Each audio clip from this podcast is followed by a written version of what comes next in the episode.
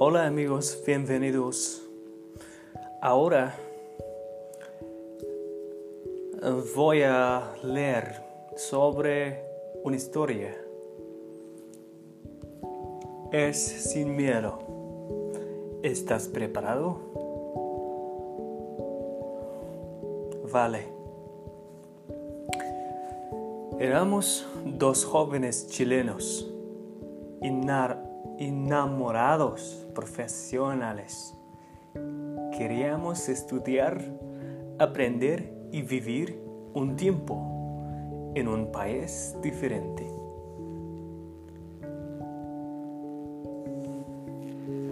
Antes de ir a Buenos Aires, mi familia organizó una fiesta de cumpleaños.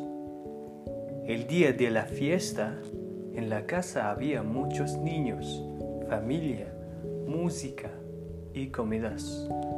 Celebramos el viaje y la nueva vida que iba a empezar en Buenos Aires.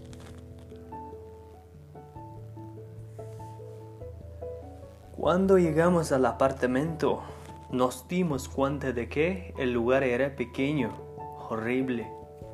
Solo había espacio para una mesa, un armario para guardar la ropa y una cama.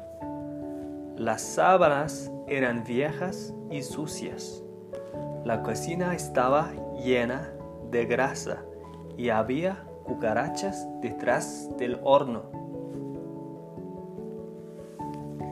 El viento entraba por las ventanas y dormíamos con frío.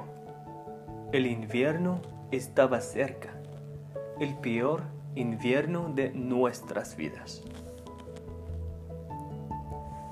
Para mi cumpleaños, Martín me compró un libro. La historia era de una mujer de Buenos Aires que tenía un blog online y escribía sobre su vida y su familia. Yo pasé mis primeros días en Buenos Aires leyendo el libro todo el tiempo, en el desayuno, por la tarde y antes de dormir. Leía el libro todo el día para no aceptar la verdad. Martín y yo no estábamos bien. En un momento, su hijo mayor le hace una pregunta. Esa fue la única página que marqué y después lloré. Lloré y me sentí de 50 años porque para mí el amor era un poco eso. Estuve con Martín por casi 10 años. Años. En ese tiempo para mí, el amor fueron las noches cuando Martín me decía dormido, te quiero, corazón. Corazón.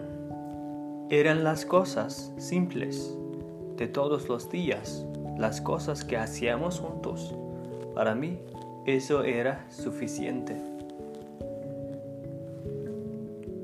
Después de 15 días en Buenos Aires, Martín me dijo que no había pensando en mí, que no me extraño durante los dos meses que él estuvo en Argentina solo. Dijo que habíamos estado mucho tiempo juntos y que, que ellas y era tiempo de crecer separados solos.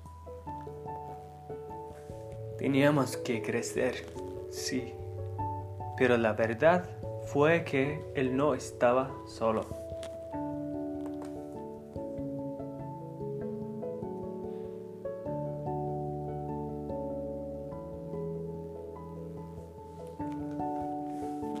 El día que descubrí no lloré, no le escribí y no hablé de mi tristeza con mis amigas. Me quedé en silencio, sentada frente a una ventana, mirando un árbol que estaba a punto de florecer.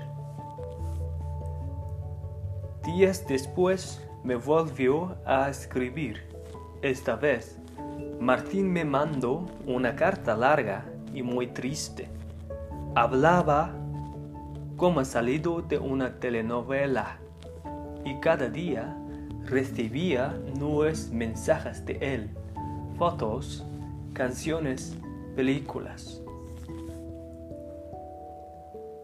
El email que escribí era violento pero hermoso.